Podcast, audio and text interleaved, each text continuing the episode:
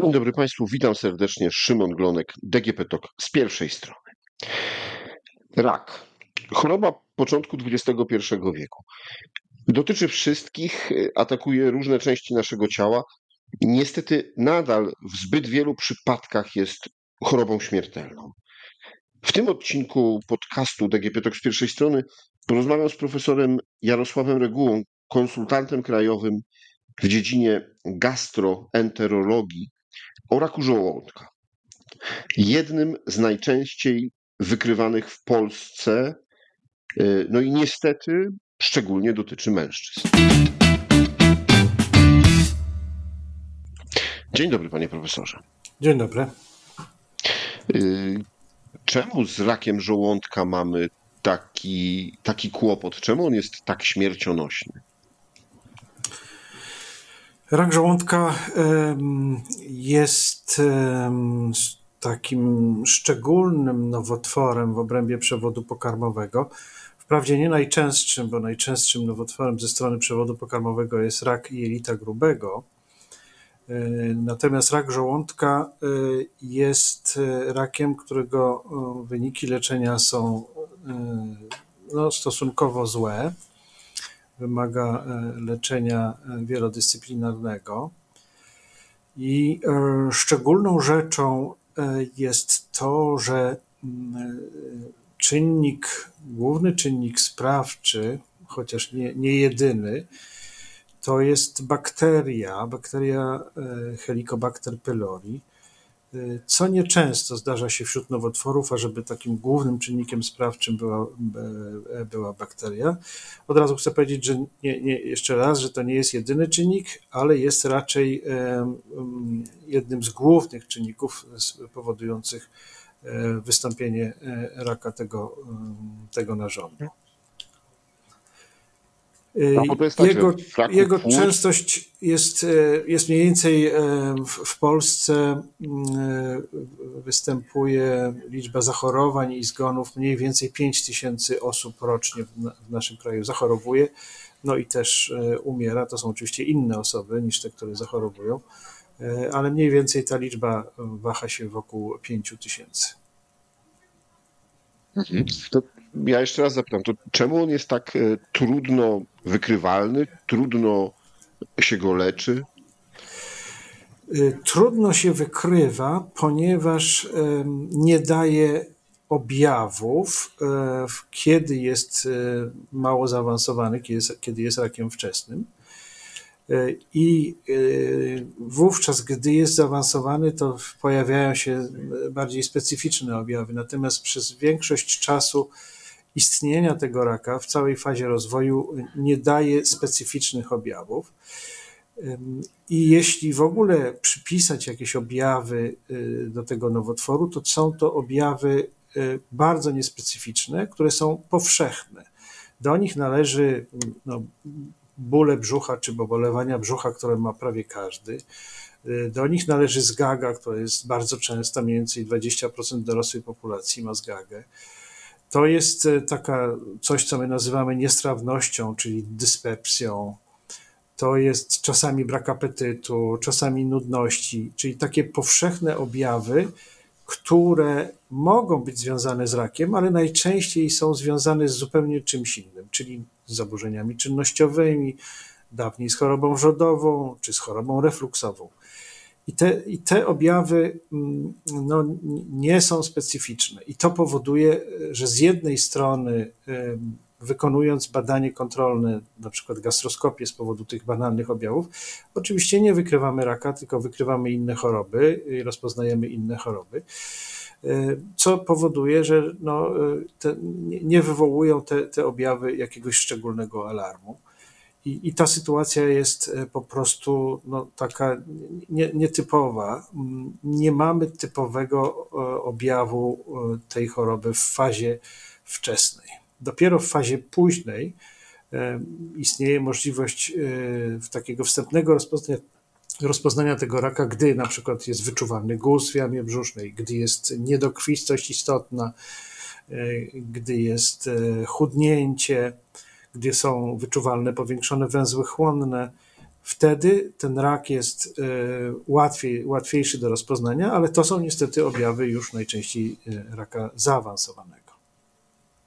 No tak, a jak wszyscy y, lekarze i, i, wszyscy, którzy y, badają raka, przestrzegają, im wcześniej się go wykryje, tym jest większa szansa na wyleczenie, tym jest większa szansa na to, że y, no właśnie nie dojdzie do, do ostatecznego, czyli do śmierci. To jak zdiagnozować, jak sprawdzić, jak dowiedzieć się, czy moje bóle brzucha, moje nudności, moje, moja zgaga mm, jest właśnie nie spowodowana chorobą wrzodową czy innymi czynnikami, o których Pan powiedział, tylko właśnie albo tą bakterią, albo no, już jakimś tam rakiem żołądka. No, głównym sposobem sprawdzenia dolegliwości z górnego odcinka przewodu pokarmowego, czyli przełyku i żołądka, jest wykonanie gastroskopii którą się często wykrywa u takich, wykonuje u takich pacjentów, którzy, którzy mają tego typu dolegliwości. Tylko, że najczęściej, no w znacznej większości przypadków, gastroskopia przy tych objawach nie doprowadza do rozpoznania raka, bo tego raka nie ma, albo jeszcze nie ma, e, albo nigdy nie będzie. Stąd jest no takie, takie, mm, e, takie, jakby to powiedzieć, dysonans poznawczy. Z jednej strony mówimy, że to mogą być wczesne objawy raka, a z drugiej one są na tyle niespecyficzne, że wprowadzają nas w błąd i wywołują niepokój, wywołują strach, pacjenci wykonują badania, bo się, bo się boją, okazuje się, że nic złego nie ma, że to jest zupełnie co innego, że jest to zwyczajna, prosta choroba refluksowa, którą można leczyć, czy tak zwana dyspepsja czynnościowa, więc jest, jest pewien e, problem. Może, mógłby też ktoś zapytać, e, czy wykonuje się badania przesiewowe, e, czyli takie, na przykład gastroskopię albo jakieś inne badanie u osób, które nie mają żadnych objawów, tak jak się to dzieje w screeningu, czyli w badaniach przesiewowych w kierunku raka jelita grubego. E, w przypadku e, pody, nakierowania badań przesiewowych na raka żołądka, tego typu badania przesiewowe nie są zalecane w Europie ani w Polsce. I nie robi się mm, u osób bez objawów gastroskopii jako sposobu badań przesiewowych bo nie jest to zalecane, nie jest to skuteczne, e, bo trzeba by wykonać e, mnóstwo badań, e, które nie doprowadzą do, do rozpoznania te, tego nowotworu. Więc w, w, Europie i w Polsce nie, jest, nie są zalecane badania przesiłowe u osób, które nie mają objawów. Takie badania przesiewowe wykonuje się w krajach Dalekiego Wschodu, to znaczy w, Japonii, e, w Chinach, w Korei i tego typu krajach, gdzie zapadalność e, jest znacznie wyższa niż w krajach europejskich. Tam jest dużo więcej przypadków raka żołądka i tam od lat już wykonuje się badania przesiewowe u osób bez, bez objawów, bezobjawowych. W Europie takiego programu nie ma i jest to oparte na, na, na badaniach naukowych, które wskazują, że, że wysiłek włożony w badania przesiewowe i koszty jest e, no nie, nieskuteczny e, w celu zmniejszenia mm, e, ryzyka zachorowania na raka jelita grubego. Wprawdzie trwają poszukiwania o, w stronę takich nieinwazyjnych badań przesiewowych, no ale one jeszcze nie są gotowe do użytku. Panie profesorze, no to y, kto powinien zwrócić szczególną uwagę, kto powinien y, dopytać swojego y, lekarza, czy pójść na jakieś dodatkowe badania, czyli jaka jest ta grupa ryzyka, które osoby szczególnie, no bo powiedzieliśmy, że 20% populacji dotyczy reflux, czy, czy jakaś, jakieś objawy niestrawności, czy wzdęcia.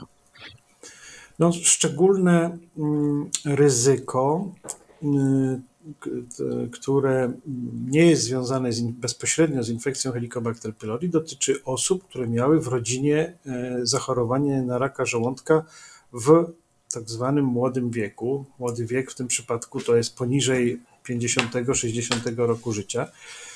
takie osoby, których w rodzinie wystąpił, wystąpił rak, powinny podlegać nadzorowi polegającemu na wykonywaniu gastroskopii, nawet jeśli nie mają żadnych objawów. Tutaj to ryzyko związane z e, obciążeniem genetycznym, ono występuje rzadko, ale, ale jest pewnym wskazaniem.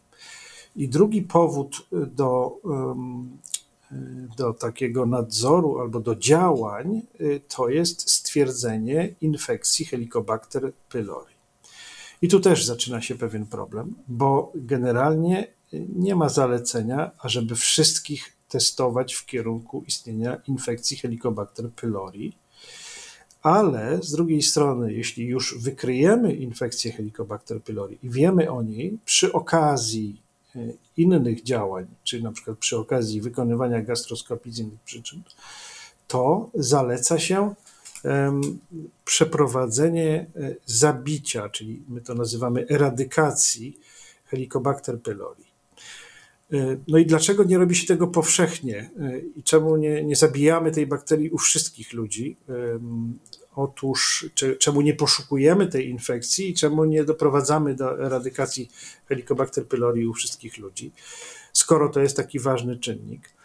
Otóż dlatego, że proces zabijania tej bakterii wymaga stosowania antybiotyków i to nie jednego antybiotyku, tylko zwykle zestawu antybiotyków przyjmowanego przez, e, przez e, około dwa tygodnie, czasami 10 dni, czasami dwa tygodnie, najczęściej dwa tygodnie.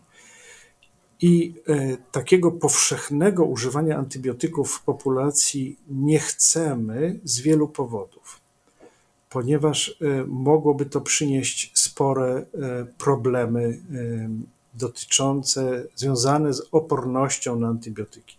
Gdybyśmy powszechnie używali antybiotyków w takim celu, jak zabijanie Helicobacter pylori, to może się okazać, że wytworzy się w społeczeństwie, w populacji oporność na te antybiotyki, których użyliśmy tak powszechnie i może się okazać, że nie będziemy mieli, jakim, nie będziemy mieli antybiotyków, którymi można by było leczyć inne infekcje, na przykład ciężkie zapalenie płuc czy, czy jakieś inne choroby infekcyjne.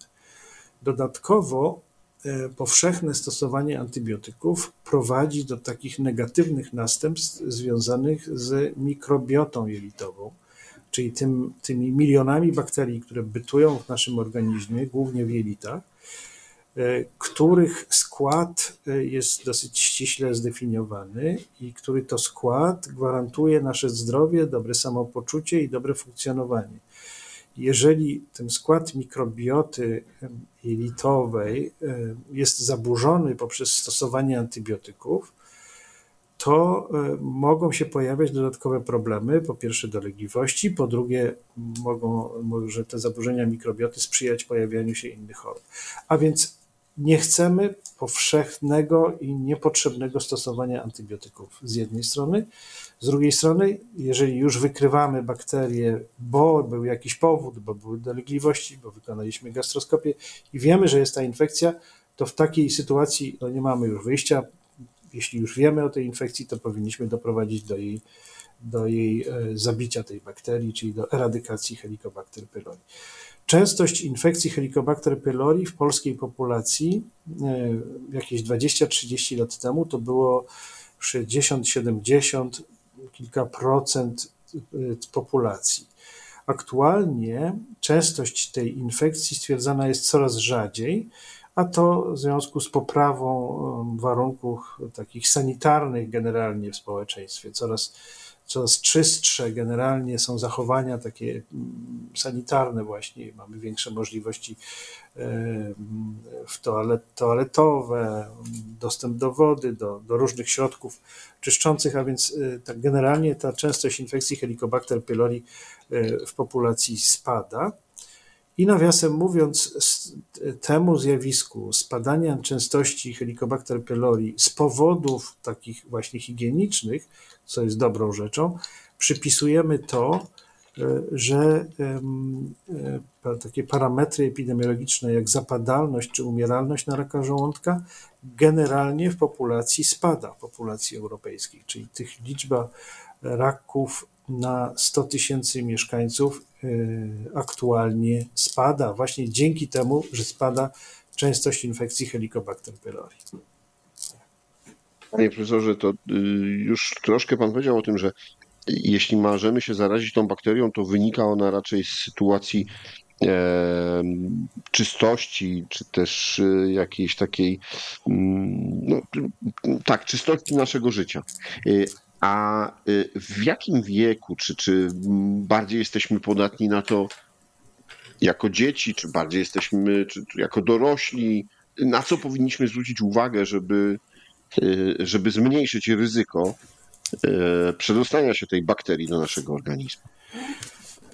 Więc sytuacja jest taka, że posiadanie infekcji Helicobacter pylori to jest taki nasz bagaż z dzieciństwa, dlatego że do zakażenia dochodzi zwykle w okresie dzieciństwa do piątego roku życia. I ta bakteria, gdy się dostanie już do żołądka właśnie w tym wczesnym dzieciństwie, to ona sobie bytuje w błonie śluzowej żołądka zwykle nie dając żadnych objawów i bytuje latami, nawet kilkadziesiąt lat. Początkowo wywołuje jakieś tam niewielkie objawy, potem w wyniku istnienia tej bakterii, która jest taka dosyć sprytna i, e, i e, bytuje pod warstwą śluzu, tam gdzie kwas solny żołąd z żołądka nie może się do niej dobrać, więc bytuje pod, tą, e, pod tym śluzem i też produkuje dodatkowo taki enzym ureazy, która neutralizuje ten kwas solny, który jest w żołądku. Więc w świetnych, komfortowych warunkach w żołądku ta bakteria sobie bytuje i bytuje, wywołując stan zapalny, który trwa latami. Najpierw to jest łagodny stan zapalny, potem on przechodzi w taki większy stan zapalny, potem się robią następstwa tego stanu zapalnego. My to mamy odpowiednie terminy na te następstwa a gdzieś na końcu, po kilkudziesięciu latach, może dojść do rozwoju raka żołądka, gdy dołączą się inne czynniki, e, takie niekorzystne, sprzyjające nowotworowi. E, I e, rzeczywiście no, to jest taki nasz bagaż z dzieciństwa, czyli te, ta poprawa warunków higienicznych, która się wydarzyła w latach 50., 60., 70., która zmniejszyła częstość zakażenia w dzieciństwie e, odbija się teraz na tych społeczeństwach europejskich i ta częstość, zapadalność e, generalnie spada.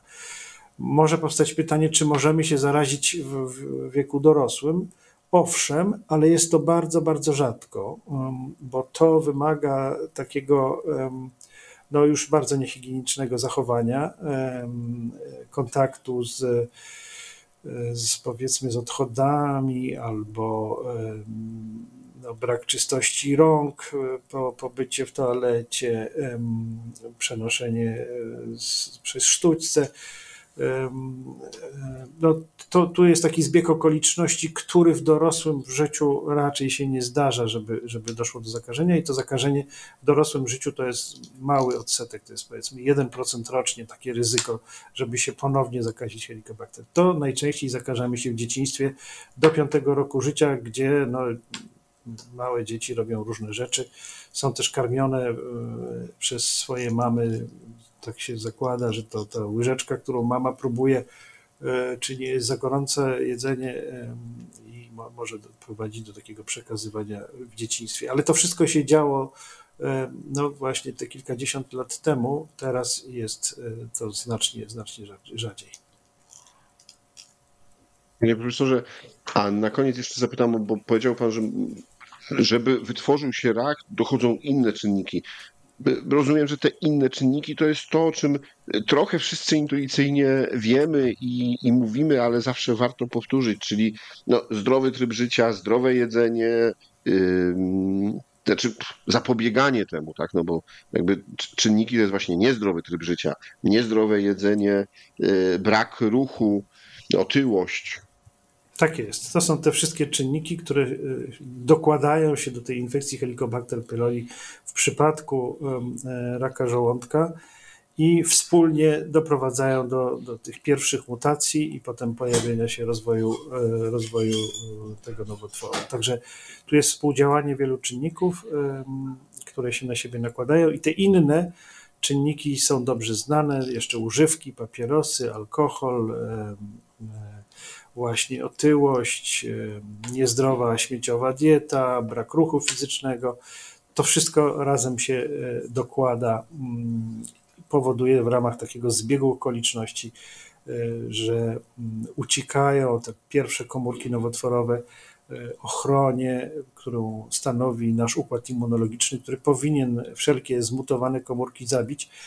No ale to w, w takich e, sytuacjach, gdy jesteśmy przemęczeni, niedożywieni, ten nasz układ immunologiczny zawodzi w jakimś momencie i potem już się rozwija nowotwór, którego potem się trudno leczy.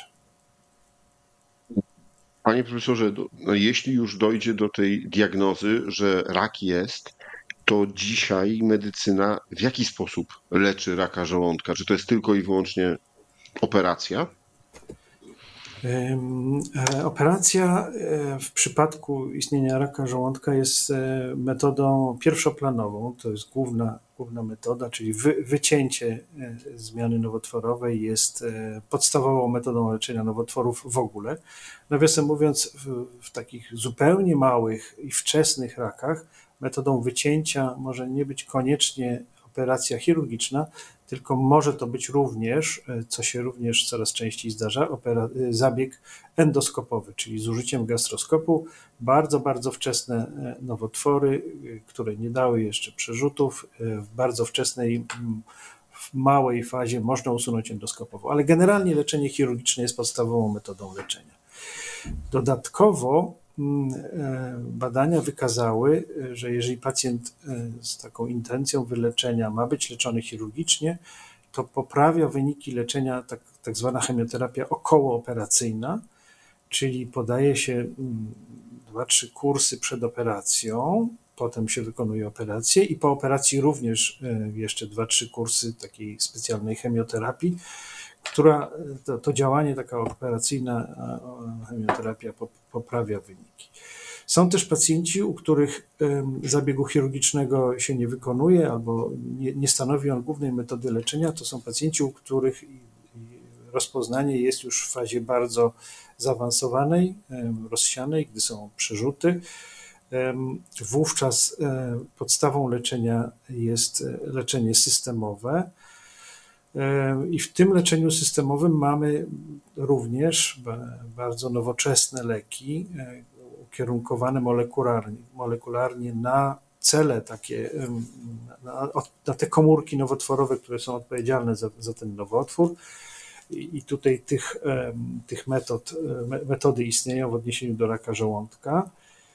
Jest również immunoterapia dostępna, również w Polsce od niedawna, dla nowotworów górnego odcinka przewodu pokarmowego. A immunoterapia to jest bardzo nowoczesna metoda, w której e, jesteśmy w stanie zaprząc własny układ immunologiczny do tego, żeby zwalczał komórki nowotworowe i dzieje się to no, dzięki takim odpowiednim lekom, które odblokowują takie, mm, my to nazywamy punkty, punkty kontrolne e, tego układu immunologicznego, dzięki czemu nasz własny układ immunologiczny rozpoznaje komórki nowotworowe i je zwalcza. Ta metoda jest nowoczesna, ma mało działań ubocznych, no i jest, e, jest e, przy spełnieniu odpowiednich kryteriów, oczywiście jest dostępna również w Polsce. W niektórych przypadkach metodą wspomagającą jest radioterapia, także e, wszelkie metody leczenia znane z onkologii generalnie ogólnej e, bywają używane w zależności od stopnia zaawansowania nowotworu i e, no, te, te metody są w Polsce dostępne. No dobrze, panie profesorze, to jeszcze jeden, już ostatni wątek. Dlaczego to my, mężczyźni, powinniśmy bardziej e, zbadać, bardziej zwrócić uwagę na możliwość zachorowania na raka żołądka, albo dlaczego to rak żołądka bardziej sobie nas, mężczyzn, upodobał? E, no, ja bym tak nie powiedział, że mężczyźni bardziej wszyscy mają równe prawa i każdy powinien dbać o swoje zdrowie jak najbardziej, mm, ale rzeczywiście no, w związku z tymi danymi epidemiologicznymi, że ten nowotwór nie tylko ten, ale niektóre inne nowotwory częściej dotyczą mężczyzn. Są nowotwory, które częściej dotyczą kobiet. no, mężczyźni powinni na, na to zwracać uwagę. Drugi taki element, który sprawia, że mężczyźni są takim celem głównym działań profilaktycznych, jest to, że mm, mężczyźni częściej bagatelizują objawy, rzadziej poddają się różnym prozdrowotnym działaniom, są tacy bardziej, jakby to powiedzieć ogólnie, nieposłuszni i stąd te, te działania e, promocyjne do promocji zdrowia e, są, są często skierowane właśnie w kierunku mężczyzn, żeby, żeby wśród nich też coś osiągnąć. Być może te metody promowania zachowań prozdrowotnych powinny być inne dla mężczyzn i dla kobiet. Trochę inaczej reagują mężczyźni i kobiety na różne takie promocyjne działania, ale to już jest temat dla socjologów i dla osób, które organizują e, działania promocyjne mm, w, e, w populacji. Serdecznie dziękuję panie profesorze za rozmowę i przybliżenie nam tego, e, jak wygląda ten dość trudny i niepożądany gość w naszym organizmie. No i co możemy ewentualnie zrobić, żeby sprawdzić, czy Y, jesteśmy narażeni na taką chorobę. Dziękuję bardzo za rozmowę. Dziękuję bardzo. Dziękuję Państwu. Moim i Państwa gościem w podcaście DGP Talk z pierwszej strony był profesor Jarosław Reguła, krajowy konsultant w dziedzinie gastroenterologii, a rozmawiał Szymon Glonek. Do usłyszenia.